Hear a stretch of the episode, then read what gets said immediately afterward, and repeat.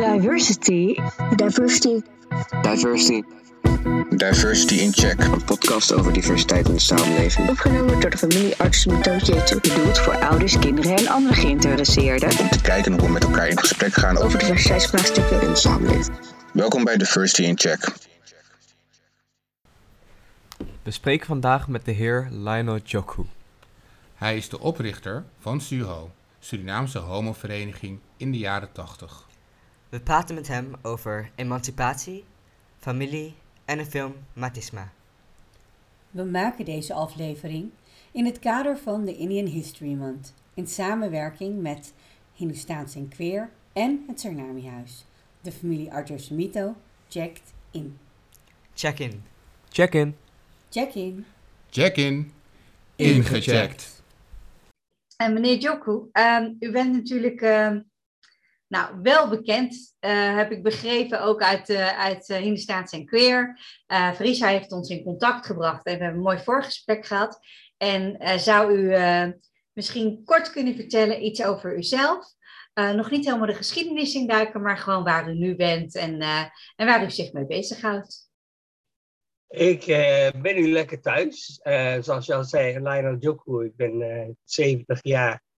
En ik ben um, in het geheel betrokken geraakt door Hindustaans en Queer, wat ik toevallig een bericht over kreeg en op internet zag dat er een website was. Die heb ik bezocht.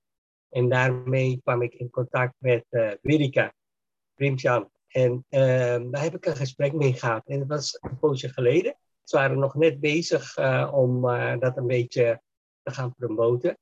En ik vond het een uh, ontzettend leuk idee, omdat ik um, in de jaren dat ik bezig ben geweest, nooit zo met het Hindoestaans zijn bezig ben geweest. En Hindoestaans en queerness helemaal niet. Direct op de voorgrond dan. Maar wel in mijn achterhoofd van er zou eigenlijk ook het nodige op moeten gaan gebeuren. zo is het eigenlijk mijn, mijn connectie met Hindustaans en queer ontstaan. En nu in deze maand hebben ze mij dan weer benaderd om te vragen van, oh, uh, we weten dat er ooit eens een uh, film door jullie is gemaakt, uh, Matisma. En die willen ze dan gaan vertonen deze maand. En of ik daaraan wilde meewerken en ook aan deze podcast in verband daarmee. Zo ja. zit ik. Super. Nou, dankjewel. Dank u wel. kunt u iets zeggen over uw verleden en uw, toekomst? en uw komst in Nederland? Over mijn verleden, oké. Okay. Ik uh, ben uh, in Suriname, in Paramaribo geboren. Opgegroeid tot mijn negende jaar. Billiton, een klein plaatsje. En daarna zijn we naar de stad verhuisd. Ik uh, kom uit een gezin met een vader, moeder, een oudere broer en twee jongere zussen. Het zijn allemaal 60 plus nu. Mm -hmm. En ik heb in Suriname verder de, de opleiding op scholen gedaan, lagere school. En um, wat ik kan vertellen is dat ik in een buurt heb gewoond waar uh, praktisch geen Hindustanen woonden. Dat was zowel in het dorpje Biliton, uh, was altijd gemengd, niet in een Hindustaanse gemeenschap. En in Paramaribo ook niet. We waren in die lange straat waar we woonden, in de Burenstraat, waren wij drie Hindustaanse gezinnen die heel ver uit elkaar woonden. En we hadden ook geen contact met.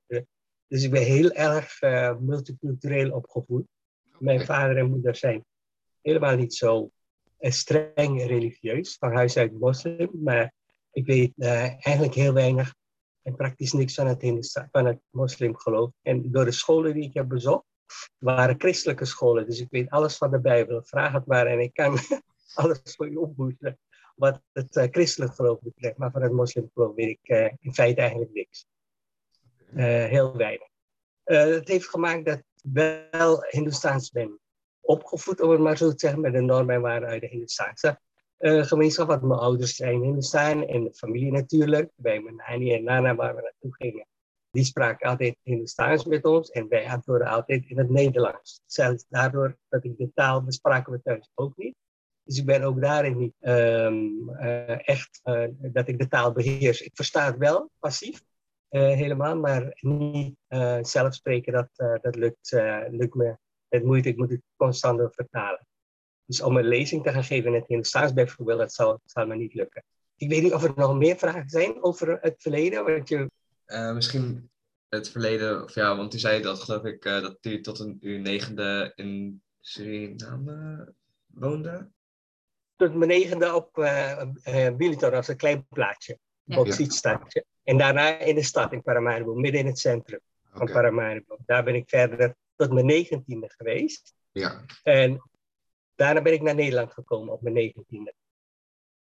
En hoe was, u, hoe was de transitie dan geweest vanuit eh, Suriname naar Nederland? Wat kwam u zo'n beetje op uw pad tegen? Eh, wat verraste u misschien over het land? Nou, weet je, de komst naar Nederland was een hele bewuste. En ik heb het op verschillende plekken ook al eerder genoemd dat ik eigenlijk mezelf bestempel als een seksuele vluchteling uit Suriname. Omdat ik eh, eh, tijdens het opgroeien eh, sowieso heb ik altijd al van mezelf geweten dat ik wat anders was als de andere jongens.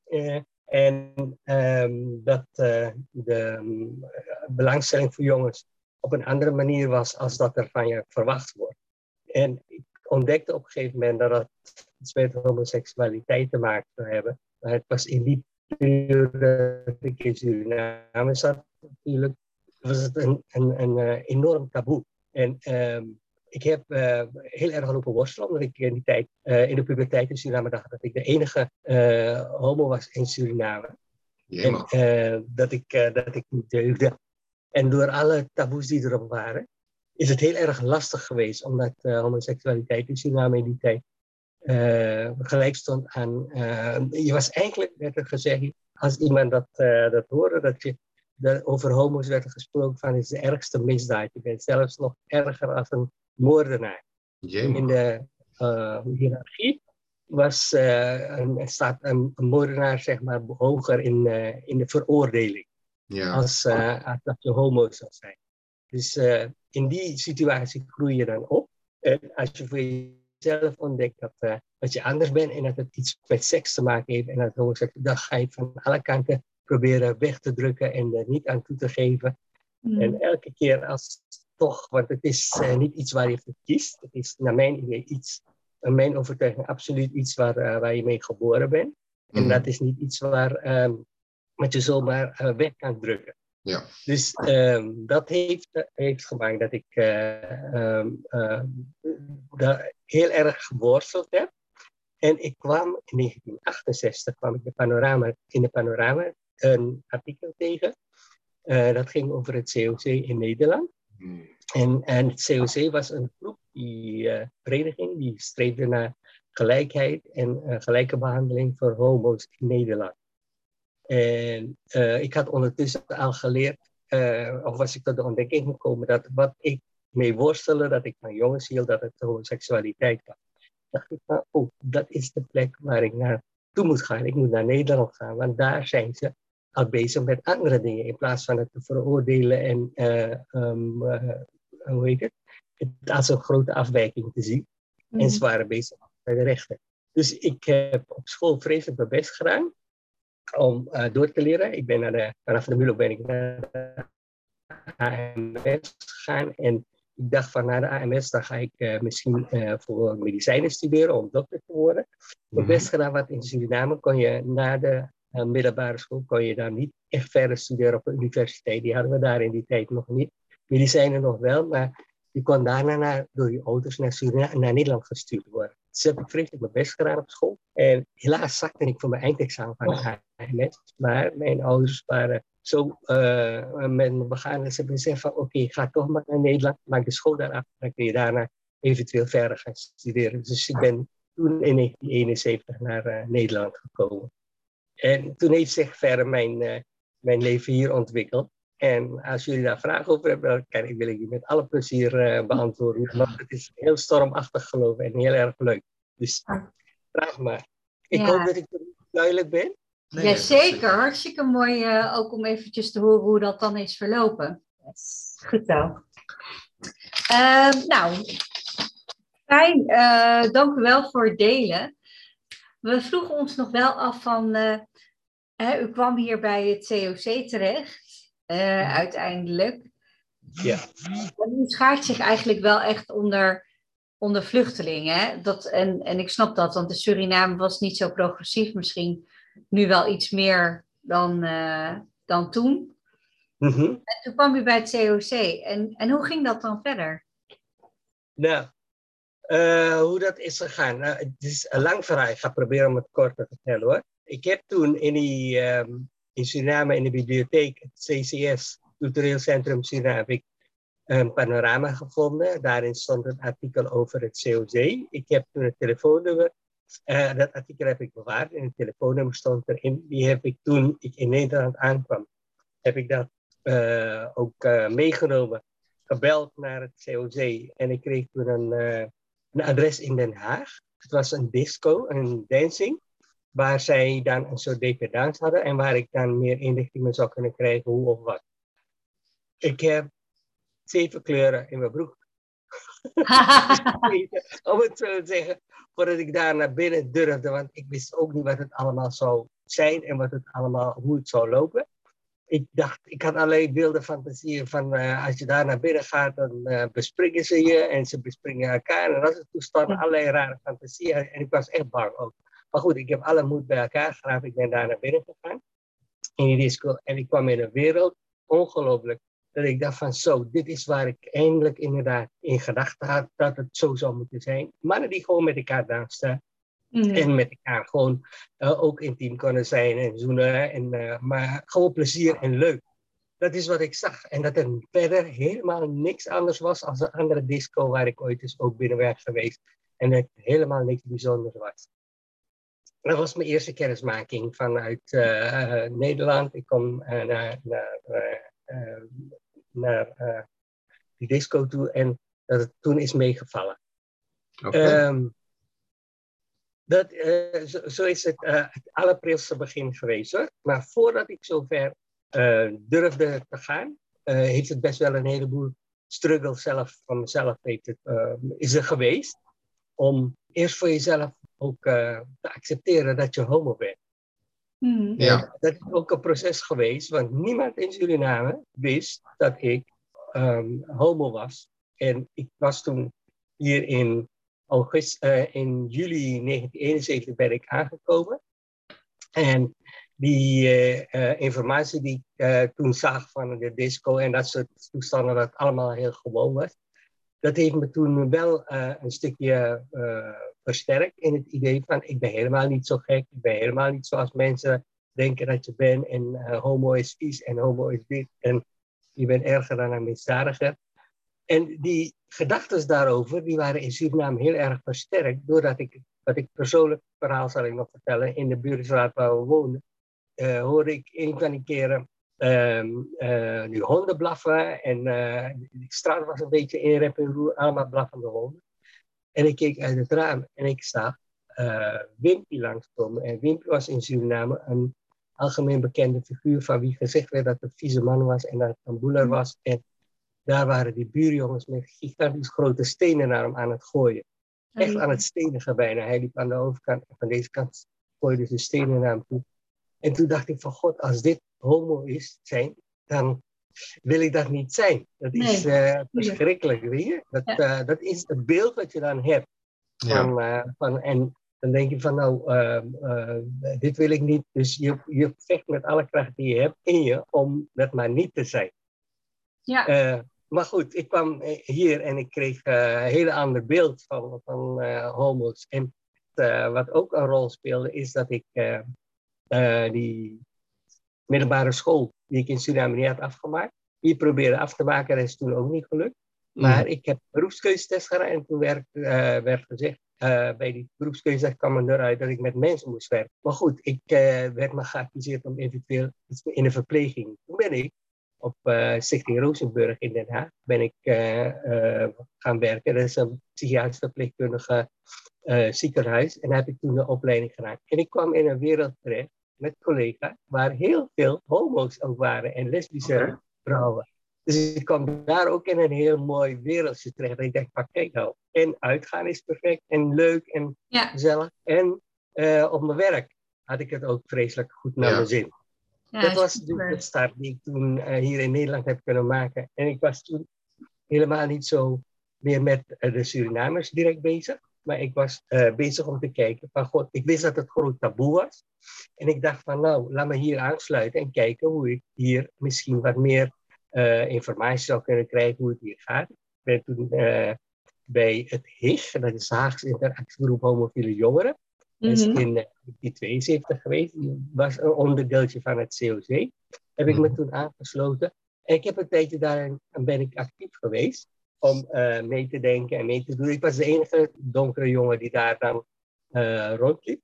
En ik had het over taboedoorbreking en over bespreekbaar maken. En zij waren bezig met de wettelijke regelingen en dat soort toestanden. Dus Ja. het was totaal een andere wereld waar Ja. zij mee waren als ik. En op een gegeven moment eh, ja, werd ik bijna ook een beetje uitgelachen dat, dat, dat, eh, dat ik met dat soort dingen nog bezig was. Ja. Maar dat was wel mijn achterland, dat was eh, mijn Surinamer zijn. En daar voelde ik me helemaal niet zo eh, op mijn gemak. Nee. Eh, ik eh, heb toen in die tijd, het was 1975, 76, toen kwamen een heleboel Surinamers naar Nederland met die onafhankelijkheid. Mhm. En wat ik tegenkwam, was dat ik zelf al een beetje geëmancipeerd was, zal ik maar zeggen, over mijn homo zijn. Ik had het voor mezelf geaccepteerd. Mijn familie die wist het ook al een beetje. In het werk was ik wel goed op mijn, op mijn gemak. En dat ik ehm, in, één, in één keer dacht ik van god, eh, die Surinamers, als je op een feestje kwam, waar dan ook, van familie of wat dan ook, als je met Surinamers te maken, diezelfde hippies, zeg ik, eh, die in Suriname waren, die waren hier ook meegekomen. Het was Natuurlijk. Ja. ja. En het komt met optie voor en je bent smerig. En Ja. de godsdiensten die allemaal weer een rol begonnen te spelen, of je nou helemaal nee. of christen was, waren allemaal weer dezelfde dingen die daar speelden, wat ik toen meemaakte, die waren Die meegekomen. kwamen ineens ook, want u was natuurlijk voor de onafhankelijkheid al, eh, al deze kant opgekomen. En voor de, voor de, eigenlijk de grotere stroom van mensen. Ja. Klopt, Ja. klopt. Hoe reageerden uw ouders? Om mijn ouders, ja, dat is ook een, eh, een mooi verhaal. Want, ehm, ik ben in 1971 gekomen, 72 een broer van mij. En eh, mijn ouders die kwamen volgens mij in 1974 naar Nederland op vakantie. Ze wisten nog ner- nergens van. Dus ze kwamen hier naar Nederland eh, op vakantie. Ik had toen een, een vriendje die ik tijdens het werk had leren kennen in de verpleging. En, en daar woonde ik, eh, we woonden ook al samen. En mijn ouders kwamen en toen had ik met dat vriendje afgesproken. Ik ga nu wel aan mijn ouders gaan vertellen. Ja, we wonen hier samen. Ze komen bij ons logeren in hetzelfde huis. Dus ik Ja. zal, het zal toch eh, eh, besproken moeten worden. En ondertussen zat die broer van me hier. En een zus van mij zat eh, ook al hier. Die is min of meer samen met mij hier naartoe gekomen naar Nederland. Ook in 71. Een maandje later als dat ik was. Die had ik ondertussen ook al eh, verteld. En de manier waarop ik dat heb verteld is ook een, een verhaal op zich. Maar goed, zij wisten het. En ik heb eh, toen afgesproken van, of bedacht van nou, als ze komen, dan zal ik het toch moeten vertellen. We zijn ze samen op Schiphol gaan afhalen. Mhm. Die vriend en ik. En eh, eh, ik geloof dat het eh, dezelfde avond of de volgende avond, ik weet niet exact meer, eh, zaten we bij elkaar en we zouden gaan, eh, eh, gaan kaarten. Toen zei ik van doe die kaarten maar weg, want ik wil jullie wat vertellen. Deze vriend die, ik, eh, met wie ik hier, eh, hier is, daar word ik mee samen en het is mijn partner. Dus, eh, ik ben, en ik ben homo. En dat is, op het, dat is voor het eerst dat mijn ouders daarmee direct geconfronteerd werden. Het was natuurlijk een shock voor ze. Eh, mijn moeder in tranen. En gechoqueerd. En mijn vader ook. Die, die sloeg stil ook. En die hadden het totaal niet verwacht. Want die hadden natuurlijk het idee van... Nou, eh, die gaat trouwen, eh, kinderen krijgen en zo. En zo worden nani en nana en opa en oma en dat soort zaken. Maar goed, dat, dat, dat sloeg in als een bom natuurlijk. Ik liep met die vriend naar de keuken. En we stonden daar om even te kijken hoe het zou verder zou lopen. Maar toen kwam mijn moeder naar die keuken. En toen zei ze van, tegen die vriend van zo, dus jij bent mijn schoondochter. Eerste reactie. En voor haar was er verder niks meer aan de hand van, oké, dan is het zoals het is. Maar mijn moeder is een hele progressieve vrouw. Ja, dat Eh, hoor ik. En mijn vader is een hele lieve, open een man met een hele open mind. Die nooit iemand kwaad zou doen of wat dan ook. Ja. En mijn moeder was, ja, ik zeg dat mijn moeder, heb ik heel vaak in interviews gezegd. Mijn moeder is volgens mij de eerste Hindustaanse Dolomina geweest in Suriname. Eh, ze was heel erg eh, eh, progressief in haar denken en heel erg opgericht om zich niet te laten intimideren door Niet door godsdienst, niet door de cultuur, niet door het Ja. Hindoestaanse. Ja. Een van die dingen wat ik me kan herinneren van haar verhaal is, eh, waarom ik zo trots ook op de ben, is toen ze getrouwd was, daarvoor moest ze Orni en dat soort toestanden, Mhm. toen ze getrouwd was. Want dat wilde ze eigenlijk niet, maar toen ze eh, getrouwd was, is ze met mijn vader meegegaan natuurlijk. En de eerste keer dat ze weer terugkwamen eh, bij haar ouders, had ze al van tevoren tegen mijn vader gezegd van, die Orni, dat vind ik maar niks. eh, ik, eh, ik ga niet daar. En mijn vader vond het ook prima zijn ze daar naartoe gegaan en eh, zonder de Orni. En haar vader zei van, eh, toen tegen haar van die Orni, eh, waar is je Orni? Had, had ze gezegd van, nou, ik hoef het niet, eh, ik wil het niet en ik hoef het ook niet van mijn man. En Ja, eh, het toen was had de vader gezegd van, anders moet je opsodemieteren. Maar mijn vader heeft haar daarin ondersteund. Het is toen nog goed gekomen. Maar zo'n soort vrouw was het. Ja. Die, die staat voor haar ding wat zij, eh, waar zij eh, eh, voor gaat. Ehm, nou, dat was dus haar reactie toen in die keuken. En eh, daarna hebben we heel Nederland samen gereisd en gedaan om al die eh, toeristenzaken te bezoeken. Van Volendam tot eh, noem maar op. Ja, oh ja. In, in 1972. Eh, Mhm. Nou, super. Ik denk van, eh, ik denk misschien is het eh, goed, want u zei ook op een gegeven moment, hè, u wilde eigenlijk andere dingen dan, eh, dan bij het COC. Hè. Bij het COC wilden ze eigenlijk een beetje overkoepelend, meer beleidsachtige dingen, kijken hoe het met, de- met de wet en regelgeving en implementatie daarvan. En u wilde Mhm. eigenlijk even, zeker met die grote stroom van, eh van eh Hindustanen eh, en Surinamers in de breedste zin, ehm, Ja. eigenlijk met die groep iets van, van bewustwording. En, want dat was ook de groep waar u ook zich zou klopt. verhouden in die zin. Kunt u iets vertellen over de oprichting van SUO? Yes, met alle plezier. Eh, wat, wat er gebeurde is dat ik na die psychiatrische verpleging heb ik de eh A-verpleging, gewone verpleging in het Leiburg ziekenhuis heb ik gedaan. En daarna wilde ik naar de sociale academie om eh, verder te studeren als sociaal-psychiatrische verpleegkundige. En dat heb ik eh, toen gedaan. En ben op de sociale academie in Amsterdam, de Amsteloren, daar ben ik gaan studeren. En ehm, die ergernis die ik had naar de Surinamers over eh, de discriminatie. Want in die tijd werden de Surinamers ook heel erg gediscrimineerd in Nederland. Ja. Het waren klaplopers, het waren eh, lui mensen, enzovoort, enzovoort. Dus ik had het gevoel dat ik en door de Nederlandse eh, samenleving gediscrimineerd werd, en door de Surinamers. Dus ik voelde me dubbel gediscrimineerd. Ja. En dat heeft toen een, eh, een, een kracht in me, zal ik maar zeggen, losgemaakt. Dat ik eh, die studie, heb ik toen een eindexamenwerkstuk geschreven. Homofielen uit Suriname, een vergeten groep in de Nederlandse samenleving. Ja. Omdat ik vond dat daar iets aan moest gaan gebeuren. En voor die scriptie, voor het eindexamenstuk, heb ik toen eh, geprobeerd om allemaal informatie te vinden, literatuur en dat soort dingen. Er was niks op papier te vinden en geen enkele stichting en die hadden informatie voor mij. Ik ben nog hier bij de Stichting voor Surinamers geweest. Van, hebben jullie informatie? En die meneer die daar zat, die keek me aan en die zei van, het komt bij ons niet voor. Mhm. Zei ik tegen hem van, hoe verklaar dat ik voor je sta? Ben ook Surinamer, dus hoe kan dat dan? Oké, dus, en toen zei, zeiden ze vandaar, uh, als je dat stuk uh, van jou, je eindexamenstuk, als het klaar is, mogen we een exemplaar hebben. Geval. Want dan kunnen we daar misschien iets mee uh, verder mee. Zij hebben toen het klaar was, hebben zij uh, het stuk doorgestuurd naar het NOS-programma op, op de radio. Dat heette Zorg en Hoop, dat programma. En in het programma Zorg en Hoop hebben ze toen een interview met mij gehad. En toen met Max Lievendag, die was erbij. Dat was een, uh, een studiegenoot van mij en een vriend. Die ook ondertussen in Nederland woonde. En mijn moeder was ook toevallig met vakantie hier. Die is toen meegeweest uh, bij het interview. Dat hebben we toen gegeven. En in het, uh, tijdens het programma was het mogelijk om in te bellen. Om vragen te stellen en dat soort dingen. En er werden ook een aantal vragen gesteld. Ook negatieve dingen werden ook... Uh, er zijn mensen vanuit de kerk die er weer uh, uh, vreselijk tegenaan schopten. Dat ik daar de kans had uh, kreeg van de mensen om over zoiets te gaan zitten praten. Op de, voor de zorg en hoop en voor de Surinamers. Maar goed, ook het COC belde weer in. En die zeiden van als jullie nog verder willen met dit thema.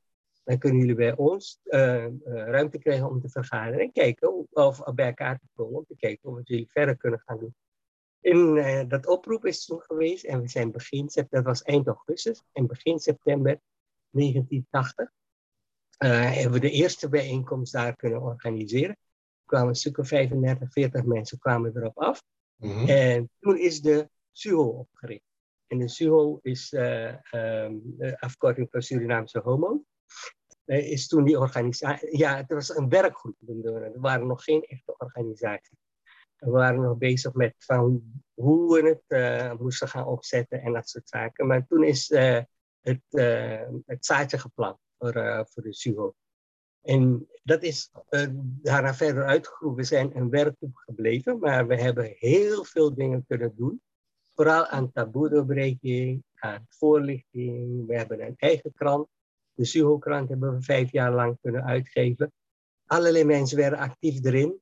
En ehm, de eh, groep die stond open voor alle gezinnen, jong en oud, eh, Surinamers, Antillianen, kwamen Turken, Marokkanen, er kwamen van alles en nog wat kwam, eh, in die loop van die tijd kwam erbij. Want zij, wij waren de eerste groep, eh, zwarte groep, blijf ik het tussen aanhalingstekens maar noemen, Ja. die er was. Er was op dat gebied was er verder niks. Daar is dus eh, vijf jaar lang hebben we daar kunnen doen. En ehm, in het hele proces waar we mee bezig waren, heb ik toen een vervolg kunnen geven. Want ik ben toen verder gaan studeren. En ik heb toen een eh, voortgezette opleiding maatschappelijk werk gedaan. En als eindexamenwerkstuk van die opleiding heb ik toen de mensen die actief waren in de SUHO zover kunnen krijgen. En ook mensen die, die eh, bij betrokken waren om die film Matisma te maken, omdat eh, we geen voorlichtingsmateriaal hadden, behalve die, eh, die, de tijdschriften die we uitgaven, of tijdschriften wat we uitgaven, de SUHO-krant. En folders die we ook ondertussen hadden, maar was ook behoefte aan eh, meer beeldmateriaal. Toen hebben wij, eh, heb ik die film kunnen, kunnen produceren als voorlichtingsmateriaal in de eerste plaats, met een bijbehorend boekje hoe dat te gebruiken, als voorlichtingsmateriaal voor de Surinaamse gemeenschap in de eerste plaats, maar ook voor breed, voor, voor iedereen. Zo is eh, de SUHO eigenlijk eh, ontstaan. En ik weet niet of het misschien, eh, ik kan het misschien al noemen, ja, maar de SUHO is dan actief geweest, we waren bezig om te kijken of we een stichting of een vereniging zouden gaan, want maar toen kwam de AIDS-problematiek. Ja. Die. Die, die, die was net in die periode, is het in de jaren, half jaren tachtig. En het heeft zoveel ehm, ellende en toestanden veroorzaakt dat die hele SUHO toen, ik noem het nog steeds, eh, zijn we in winterslaap terechtgekomen. Mensen Oh. drukken niet, mensen gingen dood, Oh. mensen eh, verdwenen. Dus dat is toen een periode geweest waarin alles een beetje eh, in elkaar zakte. Ja. En we zijn eigenlijk in die winterslaap gebleven, want officieel bestaat de SUHO niet meer. Nee. Eh, we zijn eh, daarna niet meer echt eh, verder gegaan. En ik heb onlangs, eh, een aantal jaren geleden ontdekt, dat de Survives, die heet nu eh, in die zin Amsterdam, dat eh, noem ik eh SUHO.2. Oh ja. precies op dezelfde manier zijn ze bezig. Ja. Waar, waar wij gebleven waren, zij, lijkt het alsof zij... En we hebben heel goed contact mee, die oud-leden van de SUHO. En eh, eh, het nodige staat nog te gebeuren samen met de Survivors. Hoor. En met de oud-leden van de SUHO, dat wij eh, ons archiefmateriaal en alles wat wij hebben, eh, zijn we aan het eh, documenteren. Het, is, eh, het wordt allemaal digitaal gemaakt. En eh, we gaan kijken hoe we op eh, een goede manier de dingen nu officieel kunnen gaan overdragen naar hun toe. Oh, wat mooi. Dat Wat fijn dat er wel een overdracht is ook. Ja, dat, eh, dat gaat, eh, gaat komen. Eh, kunt u ons meer vertellen over Matisma en waarom de naam? Waarom die naam? Waarom de naam? Oké. De naam dan maar eerst. Ehm, in Suriname hadden we in die tijd dat ik daar was sowieso, en ook daarna hier in Nederland, hadden we alleen maar hele negatieve namen voor eh, homo's vanuit de Surinaamse. Het waren boelers, het waren gritumas, het waren, eh, hoe heet het, koltendeukers, noem maar op. Allemaal van dat soort termen. Er was in Suriname, in ieder geval, matisma, dat is een term die gebruikt werd voor, met name vooral voor lesbische Creoolse vrouwen in Suriname. Die hadden hun verenigingen daar. En daar was nooit zoveel ophef over het was iets wat ongelukkig werd toegestaan. Er werd er naar gekeken van, ach, het zijn die vrouwen maar met elkaar. En het vormde geen gevaar, om het maar zo te zeggen. Ja. En er was een Ja. beetje een, eh, want Matti betekent vriend. En Sma is eh, mens, eh, mensvriend, zal ik maar zeggen. Daar is die naam eh, voor toen eh, gebruikt, werd, werd voor die vrouw gebruikt. En het was ehm, een, een, een naam die, we, die minder negatief beladen was. Dus daar hebben we toen ook voor gekozen om eh, de groep ook eh, de film ook te noemen. Ja, en was het ook een herkenbare term voor Surinamers? Ja. Ja, oké. Voor de Surinamers was het zeker herkenbaar. Want eh, de, die- de negatieve term voor die vrouwen wa- was gritumas. Oh. Het waren schuurmeiden. Ja, ja, ja. ja, letterlijk ja, ja. Ja, maar Matisma was een beetje de vrouwen die het met elkaar deden en ook een eh, relatie met elkaar hadden. Maar dat was minder negatief beladen. Ja, ja, ja, ja. En die hadden ze ook zelf gekozen. Eh, het was een algemene term in Suriname. Ik weet niet of het gekozen was, maar me- mensen, eh, het was een bekende term in Suriname. Als je, mat, als je mattie bent, dan Ja. ben- je van, dat zijn het de vrouwen met elkaar. Ja, ja, zo. Ja, ja. ik Zo, zo, het. was het, ja. En zonder dat het direct dan negatief ge- geladen was als boeler of eh karmaru. Dat waren Ja, het, waren gewoon, het waren eigenlijk een beetje normale woorden om iets te duiden, in plaats van in zo'n negatieve context gelijk te duiken van dat is allemaal niet oké. Dit is meer een neutrale term van, nou, Ja, het, zijn, ja, ja. het zijn vrienden van elkaar en het zijn vrouwen van elkaar en eh, nou ja, we zien het wel. Zijn Ja, er ja. Nou, Eh, ik maar- alleen maar vanuit de Creoolse taal. Wat is toch denk een ik. Creoolse? Ik denk, ik denk Het was een Creools meer. Het Ja. was een Creoolse term. En eh, bij de Hindustanen, eh, eh. er waren misschien niet op die manier dan termen voor. nee, nee. Ik, ken- ik ken vanuit de Hindustaanse gemeenschap, ken ik, behalve dat Garmaru, dat zal ik maar zeggen, Ja, ja, ken, ja, ik, ken ik geen, eh, geen andere, andere term eh, Nee. eh, in het Hindustaans, in het Javaans. En, eh, Nee, Ja. dus, dus dit werd eigenlijk de overkoepelende term vanuit het Surinaams zijn eh, voor die film, als ik Ja. het goed begrijp. Voor de Klopt. herkenbaarheid, omdat toch de meeste Surinamers, of ze nou Javaans, Creools of Hindoestaans of, eh of Aukaans of wat dan ook zijn, eh, dat ze die term wel kenden. Yes. Ja, Ah, dat kijk. klopt. Gewoon even. Ja. En wat ik nog meer over die film kan vertellen, is dat eh, de mensen die, ehm, die eh, aan hebben meegewerkt, waren mensen die wat actief waren in de SUHO. En ik vond het heel moedig toen, want er zijn mensen die in de film voorkomen, waarvan de familie ook niet eens wisten dat zij eh, lesbisch waren of homo waren. Dus zo, eh, zoveel vertrouwen was er in de, voor- eh, in de manier waarop we nog bezig waren. Hè? Mhm. Dat Ja. mensen zich veilig genoeg voelden om ook toch daaraan mee te werken. Mhm. En eh, daar ben ik nog steeds heel trots op dat dat toen gebeurd is. En kijk hoe lang het geleden is. Hè? Het is in 1984 is het opgenomen. En het is een film. Nou, misschien als jullie dat straks eh, eh, eventueel zullen gaan zien. Het lijkt alsof het gisteren gemaakt is. Er is in feite zijn er de verhalen die vandaag de dag nog constant voorkomen. Ja. En dan zijn we bijna 40 jaar verder. Ja. ja, gelukkig gaat het ook wel iets beter tegelijkertijd. En tegelijkertijd zijn er natuurlijk altijd mensen die nog helemaal aan het begin van het vraagstuk zijn, die we nog Klopt. mee moeten krijgen daarin. Klopt. Dat, is, dat is ook de reden waarom ik nu ook nog steeds eh, af en toe probeer een steentje bij te dragen. Van kijk hoe lang geleden we al bezig waren. Er is heel veel. Er is veel aan het veranderen. En ten gunste. En ook waar ik heel vreselijk trots op ben, vooral op de jeugd van nu. Dat, eh, dat er een heleboel dingen nu eh, eh, in een heel ander daglicht staan. Als waar eh, in die tijd dat ik toen zo jong was als jullie. Dat ik denk Ja. van jeetje, heel veel is te veranderen en ten, ten goede. Ja. Maar we zijn er nog niet. Dat... Nee, nee, nee, dat zeker niet. En, en, en, en kunt u iets eh, vertellen over, eh, over de inhoud van de film, zonder te veel prijs te geven? Nou, op zich is het heel simpel, weet je. Ik had als voorbeeld in mijn hoofd toen ik die film maakte, eh, Sonja's Goed Nieuws Show. Ik weet niet of jullie dat nog wat zeggen. Ja, ja, ja, ja. Ja. Oké, dat is een beetje de opzet. Het was een, een, eh, eh, we, zijn in gesprek met een aantal mensen. Er zijn twee interviewers die er zijn. Dat is Max Lievenda en Euria Vos. Die zitten eh, aan een tafeltje met steeds drie gasten.